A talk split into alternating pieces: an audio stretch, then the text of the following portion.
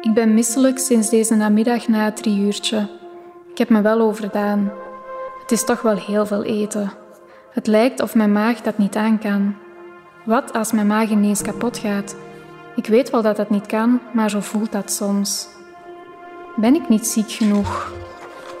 Ik weet dat dit mijn laatste kans is om zoveel af te vallen. Ik mis dat ergens wel, het is een soort heimwee. Door zo weinig te wegen voel je bijna niets meer en moet je precies niet meer met de wereld bezig zijn.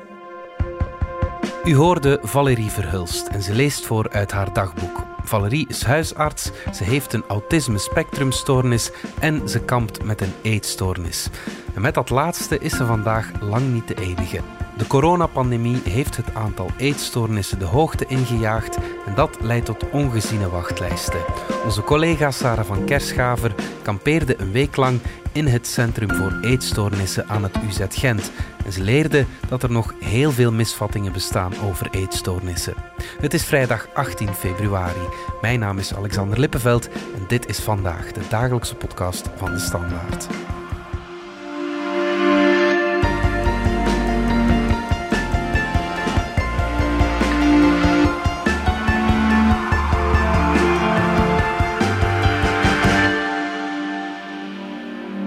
Sarah van Kerschaver van onze Binnenlandredactie. Je hebt een week in het UZ Gent doorgebracht op de afdeling voor mensen met een eetstoornis. Hoe kijk je daarop terug? Ik vond het verhelderend omdat ja, je spreekt met heel veel patiënten, met heel veel artsen, uh, heel veel team daar dat mensen ook ondersteunt. Ook met de ouders heb ik eens gesproken. En ja, al die verhalen, die feiten, die ervaringen samen, dat confronteert jou toch ook wel met je eigen ja, vooroordelen. Mhm. En ik denk dat er eigenlijk zelfs binnen het eerste uur dat de zin is gevallen, en Valerie zal die herkennen, het gaat niet over eten. Nee. En ik dacht, oei, ja, lap. Um, ik knikte, ik deed alsof ik dat nooit had gedacht. Maar natuurlijk dacht ik ook dat het over eten ging. Het heet ook eetstoornissen, Centrum voor Eetstoornissen. Dus ik ben daar toch wel buiten gestapt met een grote nederigheid.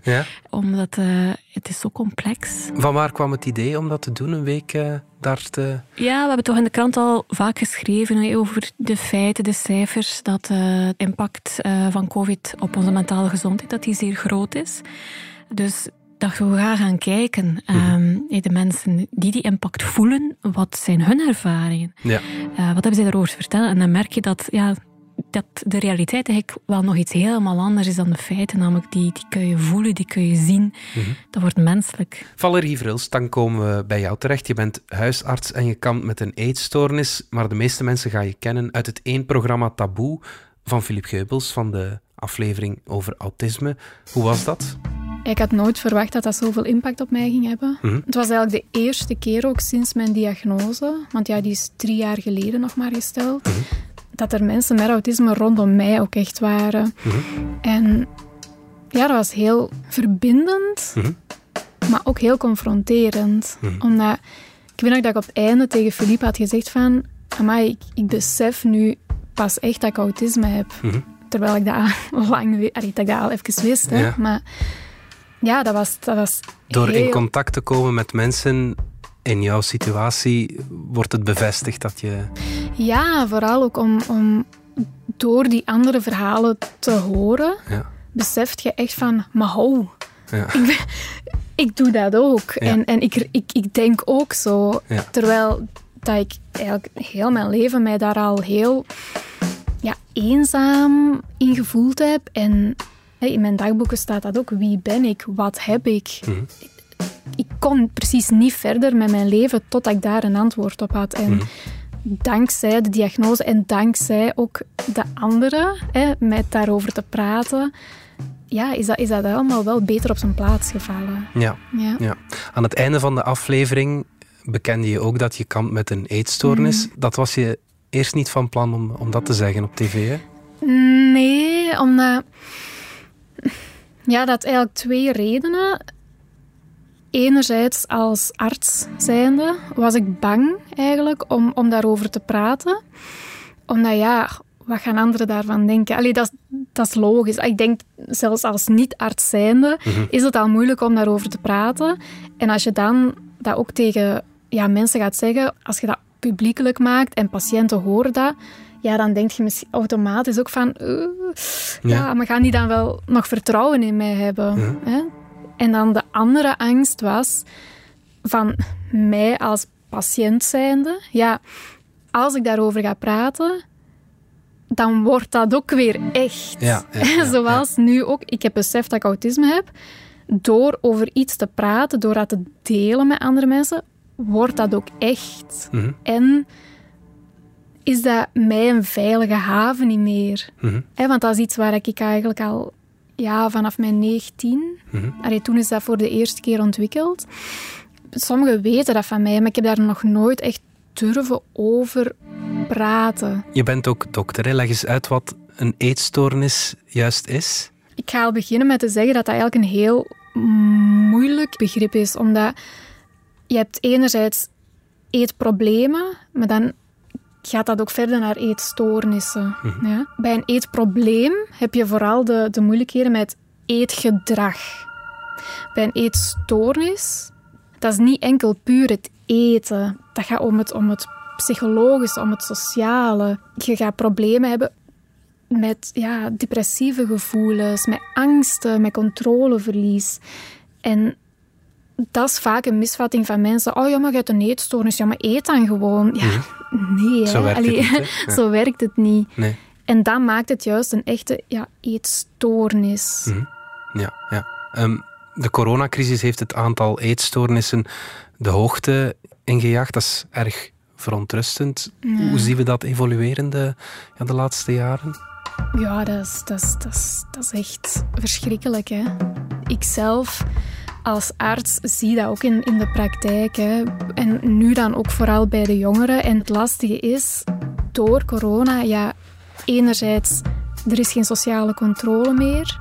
Hè. Dus ja, meisjes, vrouwen, trouwens ook jongens en mannen natuurlijk, hè, maar die zijn mhm. in de minderheid, die kunnen doen wat ze willen, bij wijze van spreken. Hè. En dan mhm. ook, ja, iedereen zit meer op het internet. Dat is ook niet vaak heel constructief, hè, als, je, als je begint te vergelijken met anderen. En ja, we zitten zelfs op een punt. Een paar maanden geleden was er zelf een, een stop om op de wachtlijst te komen. Ja. Ja, dat heb ik ook uh, gehoord bij het UZ. Dat, ja, vroeger had je na twee, drie maanden eh, kon je opgenomen mhm. worden. Mm vooral jij als huisarts, als iemand bij jou komt die, die tot het besef is gekomen. Ik heb een eetstoornis, dat is ook een heel traject. Ja. En dus eigenlijk hulp wil aanvaren. Ja, dan, dan, sta je vaak al maanden, soms een half jaar, soms echt, zelfs al jaar heb ik ook gehoord. Ja, ja, ja absoluut. Voilà, kijk, uh, om, om voordat ze echt hulp aanvaren. En dan Vandaag is de situatie zo dat je twee tot drie maanden moet wachten tot een intakegesprek. Ja. Dat is gewoon een kennismakingsgesprek. Ja, dan ben je nog niet binnen. Nee, nee, nee. en dan, als er dan beslist wordt, er, is, er is opname nodig, dan duurt het nog uh, tot vijf maanden. Dus als je echt uh, pech hebt, dan, dan Nee, als je geluk hebt in de pech, dan moet je acht maanden wachten. Ja. Maar voor sommigen, uh, je zelfs niet tot bij het intakegesprek. Maar nee, eer dat je daarover durft praten, of eigenlijk wilt praten, mhm. hè, dat je merkt van, oké, ik ben mijzelf eigenlijk echt aan het kapotmaken, hè, dan is het eigenlijk al bijna te laat, mhm. om het zo te zeggen. Ja. En dan ga je naar de huisarts. Ja. ja, dan moet die een intake komen. Ik als huisarts weer moet soms alle centra, alle universitaire centra afbellen om telkens hetzelfde te horen. Ah ja, maar ja, nee, hè, probeer daar eens. Ja. En dan elke keer dat je dat dan tegen de patiënt of de ouders zegt, ja, die zitten met tranen in hun ogen van hoe, ja, maar nog wachten. Mhm. En soms is dat dan het, de enige oplossing, nog een crisisopname. Hè? Ja, ja. En dat is niet oké, want een eetstoornis hoort niet thuis op een algemene psychiatrische crisisopname. Nee. Toen ik daar op reportage was dus in UZ Gent, en het gesprek was met hulpverleners of met, uh, met het team, kwamen er ook echt telefoons binnen uh, wij zijn ouders moesten afwijzen. En mm. de zorgkundige vertelde mij ook, wij begrijpen die wanhoop van die ouders zo goed, want wij worden mee in dat bad van de machteloosheid getrokken. Ja. Dat breekt ook hun hart, dat zij soms twee tot drie keer per dag een hulpvraag moeten afwijzen. Hoe gaan ze daar dan mee om? Want dat neem je toch mee naar huis als, als verpleegkundige of arts in, in, in dat centrum? ja, ik heb ook, ook gevraagd van hoe, slapen jullie nog? Zeg van, ja, we kunnen niet anders. Zij leren natuurlijk mee omgaan. Ja, dat raakt dan ook. Hè. Ja, Zij geven ook aan, wij zien hier het topje van de ijsberg.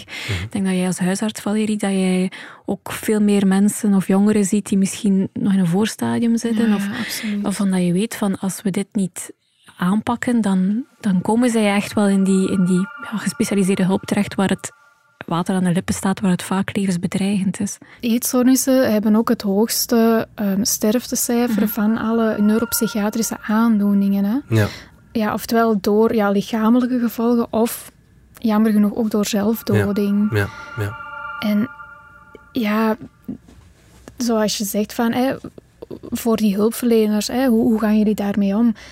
Dat, er is geen manier voor. Hmm. Zelfs toen dat, dat ik dan de, de telefoon had gekregen van oké, je kan die datum komen. Enerzijds is dat een, een, een, opluchting van oh, ja, kom goed, want dan kan ik eindelijk hopelijk terug verder met mijn leven. Hmm. Maar anderzijds, je weet dat, je, dat er ook patiënten zijn die aan het wachten zijn. Allee, zelfs mijn patiënten, om het zo te zeggen. En je begint je zelfs schuldig te voelen. Hè, van oh nee, ik ga nu daarheen, terwijl dat ik jullie teleur moet stellen om te zeggen van ja, je moet nog acht maanden wachten. Je bent een klein jaar na de opnames van Taboe ook opgenomen geweest, uh, Valerie. Hoe gaat het vandaag met jou? Ça va, ja. ja. Allee, het is beter, hè? Sowieso. Ja. ik heb ook terug goede hoop, om het zo te zeggen. Maar ik heb wel beseft dat een eetstoornis iets is dat, dat voor mij persoonlijk gaat dat de rest van mijn leven wel een moeilijkheid zijn. Mhm. Ik heb dat nu ook beseft dankzij de opname en de ja, overlegmomenten met de Audi-coach. dat, is, mhm. dat is een persoon die mensen met autisme begeleidt. Mhm. Door die combinatie heb ik ook heel goede inzichten gekregen van oké, ik ga niet moeten wachten totdat ik honger heb. Ik moet dat mathematisch doen veel meisjes, vrouwen met, met, met anorexia, hè, dan, hebben dat ook van, ja, hun lichaam is vies. Je hebt een verstoord lichaamsbeeld. Mhm. Ik zie mijn lichaam anders en ik weet dat. Maar het autisme-gedeelte gaat dat daar nog eens een schep bovenop doen. Hè, door al die sensorische prikkels. Mhm. Door die, die andere prikkelverwerking dan ook nog eens. En ja, nu weet ik hoe dat ik dat beter kan plaatsen, omdat ik weet van waar dat, dat komt. Maar voor die diagnose, hoe vaak dat ik ook heb opgeschreven, ik, ik, ik walg van mijzelf, ik vind mhm. mij vies en ik, ik wil niet bestaan, want ik wil dit gevoel niet meer hebben. We horen een fragmentje uit het dagboek van Valerie. Ik doe me anders voor dan hoe ik me voel. Ik ben inwendig aan het kapot gaan en de hele tijd aan het huilen en ik wil dat dit stopt. Ik durf dit niet goed te laten zien, omdat ik niemand tot last wil zijn. Ik ben bang dat jullie dan slecht over mij gaan denken en mij laten vallen. Ik denk constant, wat denken anderen van mij? En dat is zo vermoeiend. Ik walg gewoon van mezelf. Ik heb zoveel schaamte dat ik leef. Ik voel mezelf vies. Ik ben mijn eigen vriendin niet. Ik kan dit niet meer volhouden op deze manier. Wat is volgens jou de, de allergrootste misvatting over een eetstoornis? De grootste misvatting volgens mij is dat een eetstoornis zichtbaar moet zijn. Mhm. In de meeste gevallen is dat niet zichtbaar. Tenzij dat je misschien de vrouw of het meisje of de jongen of de man in hun ondergoed laat staan. Ja. ja. Want mensen met een eetstoornis kunnen dingen heel goed verbergen. Jammer genoeg. Hè? Ja. Je verzint zoveel om ervoor te zorgen dat mensen u niet gaan aanspreken over iets. Je, dat, een, een eetstoornis is eigenlijk een liegebeest, om het zo te zeggen. Dat, dat is echt iets vies. Ja, ja, en het gaat niet enkel over het eten, het gaat niet enkel over het gewicht. Het gaat wat er eigenlijk allemaal ook in je hoofd gebeurt. En, en dat maakt een eetstoornis juist ook heel eenzaam, omdat eigenlijk het lijden juist vooral in je hoofd gebeurt. En als het dan ineens zichtbaar is, ja... Dan is het vaak al ja, te Ben je ver over de grens gegaan, ja, absoluut. Maakt dat dat het ook zo moeilijk te behandelen is dan, dat het zo onzichtbaar is? Nee. Want als ik het goed heb, dan, dan um, mensen met een eetstoornis die kampen gemiddeld, wat is het, zeven of negen jaar met hun ziekte? Dat is heel lang, hè? het is natuurlijk ook afhankelijk van welk soort eetstoornis. Een, een eetstoornis is niet per se moeilijk behandelbaar omdat het niet meteen zichtbaar is. Mhm. Maar het is moeilijk behandelbaar omdat het gewoon zo complex is. Mhm. Een eetstoornis is eigenlijk ook een soort verslaving. Bij mij persoonlijk, niet eten geeft ook een, een, een euforisch gevoel. Je, komt in een roes, in een waas terecht, ja. dat je eigenlijk zelfs niet meer weet wat je aan het doen bent en je gaat maar door. Want je mhm. voelt toch niks. Mhm. Bijvoorbeeld bij een andere verslaving, als een, ja, een alcoholverslaving, mhm. je moet de alcohol weghalen. Oké, dat is ook heel moeilijk, hè? Ja. Maar een eetstoornis, je kunt niet het eten weghalen, want dat is juist waar je... Allee, hè? Ja. En dat maakt het juist zo moeilijk ook. Natuurlijk, ja. Sarah, je sprak op uh, de afdeling met een psychologe die jou zei: de eetstoornis is de persoon niet. Nee. Leg dat eens uit. Een van de eerste dingen die ze is, je hebt de persoon, je hebt de eetstoornis. Mhm. En die moet je loskoppelen. En je merkt het ook in hoe ja, verpleegkundigen en therapeuten en psychologen, ook psychiaters, spreken tegen patiënten. Ze, ze kunnen heel kordaat zijn en zeggen ze, maar nu spreek ik echt jouw mhm. eetstoornis aan. Ik vond dat heel, heel ehm, interessant en heel, uh, heel mooi om dat te merken. Want je kunt heel streng zijn tegen die eetstoornis en tegelijkertijd toch zeer zacht tegen de persoon, tegen de mhm. patiënt. Het is echt een ziekte, zo noem je het ook, Valerie. Het neemt jou over. Mm -hmm. Er ligt bijvoorbeeld daar um, in dus Gent, op die afdeling heb je de zeteltjes. Jou wel bekend. Mm -hmm. dat zijn zeteltjes uh, waar iedereen samen troept. Uh, waar, waar iedereen elkaar vindt eigenlijk. Een heel veilige plek heb ik zo de indruk. En daar ligt onder andere een boek dat ik ook heb gelezen, Lighter Than My Shadow. Mhm, ja. dat is een graphic novel. Daar ben ik beginnen lezen tijdens eh, een paar momentjes dat het wat rustiger was. En dat was heel mooi om te zien. Misschien herken je dat, Valerie. Dat was zo een tekening waarbij dat het begint met zo wat, wat losse pennentrekken boven het hoofd. En dat wordt een wolk. Ja, exact. Absoluut. Um, omdat in het begin, als het over ruis, ja. tijdens de beeldende therapie vroeg de therapeut, of ja, kan iedereen even voor de start zeggen de ruis. Op een schaal van 1 tot 10. Ik dacht van de ruis, het is toch stil. En, zo. en dan, oké, dan plotseling zeggen ze 7, 8, 9. En dan van 10 plus. 10 plus, amai, kijk. Ja. En dat was mij niet duidelijk. En dan in dat boek, omdat dat zo zichtbaar was, ja, dat is dus echt een soort donkere wolk in je hoofd. Hè. Uh, kun je dat jij dat ervaren hebt? En, en, en die je gedachten overneemt. En dat is die eetstoornis. En dat is iets anders dan de persoon. Ja. En die ruis die overstemt dan alles. Absoluut. Ja. Ja. Op mijn 19 bijvoorbeeld, toen ja, dat ik dat ontwikkeld heb, toen kon ik dat onderscheid nog niet maken. Alles was eigenlijk... In, nu besef ik dat alles was eetstoornis. Ik had geen gezond stuk meer. Nu kan ik ook bijvoorbeeld met mijn vriend daar ook over praten van... Oké, sorry als ik nu weer zo... Ah, ja hard overkom, dat is niet ik, Valerie, die aan het spreken is. Dat is de eetstoornis die aan het spreken is. Die is aan het roepen, roepen, roepen. En ja, dat is nu veel beter, maar op momenten heeft, neemt dat gewoon de overhand. Je ziet dat zelfs in de ogen. Hè? Absoluut. Dat is een blok die voor je staat. Ja, en je zag dat ook. Dat iemand helemaal in zich... En die keek eigenlijk naar binnen, zou ik ja. zeggen. Ja. Het lastige is, als je zo ondervoed bent, je hersenen krijgen ook geen koolhydraten, geen vetten. Die krijgen niks meer. Dus die kunnen ook niet meer normaal functioneren. Daarmee dat ze eigenlijk als hulpverlener zo kordaat ook moeten zijn. Van oké, maar dit moet nu gebeuren, punt aan de lijn. En er is geen discussie mogelijk. Bij ondervoeding kun je zo ver weg zijn. Ja. in je hoofd denk je dat je heel helder bent en dat je alles weet en dat je alles kunt. Ja, dat is tegenovergestelde. Hè? Ja. Je, je bent niet meer rationeel. Nog even een dagboekfragment. Zoals vorige week dat ik zo ziek was, ik zat in een soort roes en ik maakte me zelfs geen zorgen meer over hoe ik eruit zag. En ik wist dat het geoorloofd was om niet te eten. En nu heb ik ergens heel veel spijt dat ik wel gegeten heb en dat dat de reden is waarom ik zelfs opstond, om te eten. Terwijl ik dat ergens helemaal niet wil. En het is nu zo stom, want ik ben niet ziek meer, dus ik moet terug normaal kunnen eten. Terwijl ik eigenlijk zo weinig wil wegen om niets meer te hoeven voelen. Want dan voel en merk ik weer zoveel op van mezelf en rondom mij. Ik mis het dat ik bijna niets hoef te wegen en dat ik lekker in mijn eigen wereldje kan zitten. Die complexiteit vertaalt zich ook wel in ja, de therapie of de behandeling die je in zo'n centrum dat ook wel krijgt. Want ik schrok bijvoorbeeld van het dagprogramma. Dat is wel is heel goed gevuld. Uh, en dat is wel uh, indrukwekkend. Ja, er zijn natuurlijk eetmomenten die, waar heel veel rituelen bij komen kijken en duidelijke afspraken. Er is ja, gezinstherapie, of, of, waarbij je ook als partners, als koppel, of met broers en zussen, dat je dus samen in gesprek kunt gaan om te leren onderhandelen en te spreken. En wanneer is de eetstoornis en wanneer heb ik mijn partner terug of mijn kind.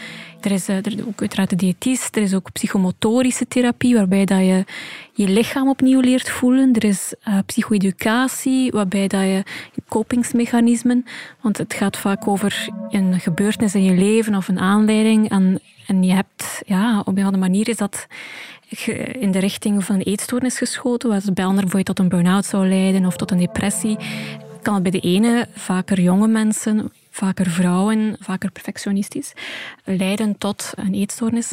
Om daar eens mee om te gaan. Want je zou het een beetje als een soort geul in, in de weg kunnen omschrijven, die uitgesleten is, dat je loopt daarnaast. is heel gemakkelijk om daarin te schieten, elke mhm. keer opnieuw. Ja. Terwijl dat je moet leren om daarnaast te lopen. Dat vraagt wel echt een inspanning en training en om dat mechanisme te doorzien. En om te leren van hoe ga ik op een gezonde manier om met spanningen, met stress, uh, met emoties. Ik zeg maar iets, uh, een scheiding of een emotioneel gebeurtenis. Hoe ga ik daar goed mee om? Uh, en dat wordt allemaal in die, be, in die begeleiding, in die, in die therapiesessies, um, ja, ja. geleerd eigenlijk. Ja. ja. En dat is wel dat is straf om te zien. En kan iemand met een eetstoornis eigenlijk genezen? Of is dat iets wat, ja, wat heel je leven ergens als een soort ruis in je hoofd zich afspeelt? Mm, ja en nee. Mhm. Dat is geen duidelijk antwoord. hè? Maar, maar, het, is ook niet, het is ook niet duidelijk. Verklaar je um, nader. Het is niet per se dat er heel je leven een ruis gaat zijn, mhm. maar er is sowieso wel een gevoeligheid. En dat is een groot verschil. Hè? Zoals een ruis, dat is iets waar je eigenlijk altijd bijna precies in je achterhoofd hebt van oei, maar eh, oppassen, dit en dat. Maar een gevoeligheid kan zijn van oké, ik heb nu die acute periode gehad en ik kan naar genezing gaan. Dat kan, absoluut. Hm. Maar het hangt er ook natuurlijk vanaf van, oké, maar hoe ga ik om met, zoals jij daarnet zei, hoe ga ik om met bepaalde stressmomenten in het leven? Heb je andere goede kopingsmechanismen gevonden? Mhm hoe zie je naar je lichaam? Hè? Zie ik mezelf graag? Mhm. En dat zijn verschillende, ja, eigenlijk bijna vinkjes die je moet aanduiden. Van oké, hoe meer vinkjes dat je hebt aangeduid, hoe groter de kans op herstel en genezing is. Ja, ja. Maar er is natuurlijk wel een, een gevoeligheid. Ja. Ja, ja, ja. Ik weet, een paar jaar geleden heeft een, een, een dame tegen mij gezegd. Alleen, ik vond dat heel hoopvol. En die zei tegen mij van ja, ik heb op mijn, denk ik 17 was dat, anorexia ontwikkeld. Mhm. We zijn dan nu meer dan tien jaar later. En ik kan normaal eten. Ja. En ik kan normaal naar mijn lichaam zien. Ja. En ik had echt zoiets van, wow, dus er is echt wel hoop. Het team van UZ was ook wel hoopvol. Die zijn ook, wij kennen echt wel mensen die dat kunnen zeggen, ze zijn genezen en hersteld. Ja. En dat, dat denk ik is ook wel het succes van zo'n zo'n centrum, hè, waar ze die expertise hebben verzameld, waar ze echt wel een heel traject doorlopen. En er is ook nazorg. Hè. Er zijn ook trajecten nadien waar je blijvend begeleid wordt. Mhm. Dus het is niet je lot wordt overgelaten uh, als je daar de deur buiten stapt. Dus dat maakt wel dat er toch een, een groot percentage is. Ik denk dat ze toch wel meer dan de helft waarvan ze er zeggen van ja, kijk, zij, zij herstellen, wij zien hen hier ook niet meer terug. Ja. En dan is er inderdaad toch, toch een 10% die, die het chronisch, of waar het er echt wel sprake is van ja, een overlijden. Mhm. En dan een heel kleine helft die toch ja, met die gevoeligheid een leven lang op een zeer ja, indringende manier blijft worstelen, dat we het zo noemen. Ja, uh, maar er is, zeker, uh, er is zeker hoop. Absoluut. Ja, er is hoop, maar ik vind het ook zo schrijnend van... Je, je weet dat er hoop is, maar als er zo weinig bedden zijn, als er zo weinig plaats is, ja, ja.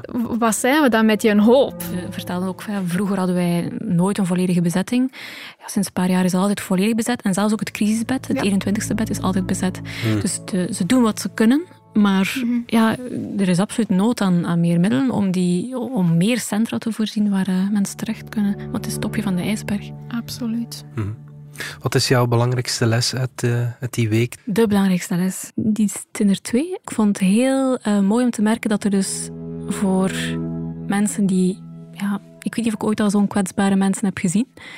Dat er toch een plek is waar ze naartoe kunnen die heel veilig voelt.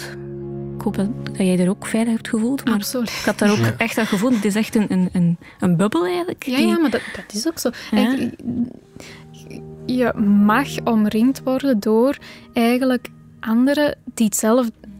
Natuurlijk nooit 100% hetzelfde, maar waar dat de basis hetzelfde is. En dat doet zoveel deugd om die, ja, nogmaals, die eenzaamheid al maar een stukje weg te nemen. Hmm. Ik was blij om naar huis te gaan, maar ik was ook heel bang om naar huis te gaan. Want, ja.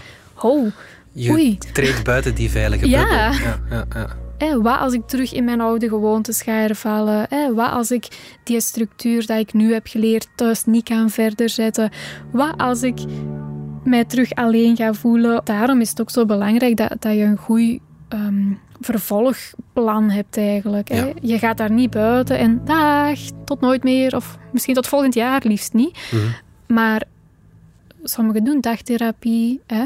Sommigen gaan met hun eigen psychologen, diëtisten en dergelijke aan de slag. En dat is ook gewoon heel belangrijk. Mhm. Dat dat verder gezet wordt. Want dan begint het eigenlijk pas. Hè? Het, echte leven terug. Hè? Ja, ja, ja. ja, ja, Misschien dat dan eigenlijk, daarbij aansluit, de, de, de, belangrijkste les misschien dat ik daaruit gehaald heb, is wel dat, de les die je ja, in de praktijk kunnen brengen in die wereld daarbuiten, namelijk in hoe dat we naar elkaar kijken. Het was uh, een van de, de, jonge vrouwen vertelde het mij van, ja, mensen bedoelen het zo goed, compliment geven en zeggen ze, maar ziet er zo goed uit. Ziet er zo mooi uit mhm. vandaag. Heb me een schone, een schone rok aan, ik zeg maar iets. Dat ze zegt van, maar allee, zelfs in onze goede bedoelingen zijn we zo hard bezig met bevestigen van, van het uiterlijk, van hoe jij eruit ziet, van verschijning. Terwijl, zeg een keer, maar je hebt zo'n ontwapende lach. Of hey, mhm. ik vind dat je zo alert bent in, in, wat mhm. dat je opmerkt. Of je kijkt met zo'n zo'n boeiende blik naar de wereld. Ja. Dat het over de persoonlijkheid gaat. En stop eens met de kledij en het uiterlijk. En de maten en de gewichten. Als, als we met z'n allen die blik waarmee dat we naar elkaar kijken kunnen veranderen. Het is daar dat we een verschil kunnen maken voor, uh, voor mensen die uh, eigenlijk, ja, in, zeker in de jeugd, in een heel kwetsbare fase van hun leven zitten. Ja, ja. Wat heb jij eigenlijk en uh, wat heb jij meegenomen aan de andere kant? Het uh, um, praat erover. Ja. Elke persoon met een eetstoornis is bang om daarover te praten, omdat je dan de controle gaat verliezen. Ja. En op zich, dat is mijn belangrijkste les, om er toch over te praten. Want ik weet hoe dat het voelt om die angst te hebben. En, maar ik weet ook wat het juist aan goeds kan doen om erover te praten en door die angst te gaan. Mhm. Want dat is, dat, is, ja, dat is in veel dingen zo. Hè. De enige weg is erdoor. Ja, taboe doorbreken. Absoluut, absoluut. Goed. Valerie Verhulst, Sarah van Kerschaver. Dank jullie wel. Dank je. Heb je na het beluisteren van deze podcast nood aan een gesprek, dan kan je terecht bij Teleonthaal op het nummer 106 of op tele-onthaal.be. Jongeren kunnen terecht bij awel.be of op het nummer 102. Wie met vragen over zelfdoding zit, kan terecht bij de zelfmoordlijn op het nummer 1813 of op zelfmoord1813.be. Dit was vandaag de dagelijkse podcast van de Standaard. Bedankt voor het luisteren. We hebben ook een nieuwe podcastreeks, Letteren. Onze chef Letteren, Guinevere Klaes, die ontvangt een bekende lezer die een van de genomineerden voor de Boon Literatuurprijs bespreekt. Alle credits van de podcast die je net hoorde vind je op standaard.be-podcast. Reageren kan via podcast.standaard.be. Maandag zijn we opnieuw.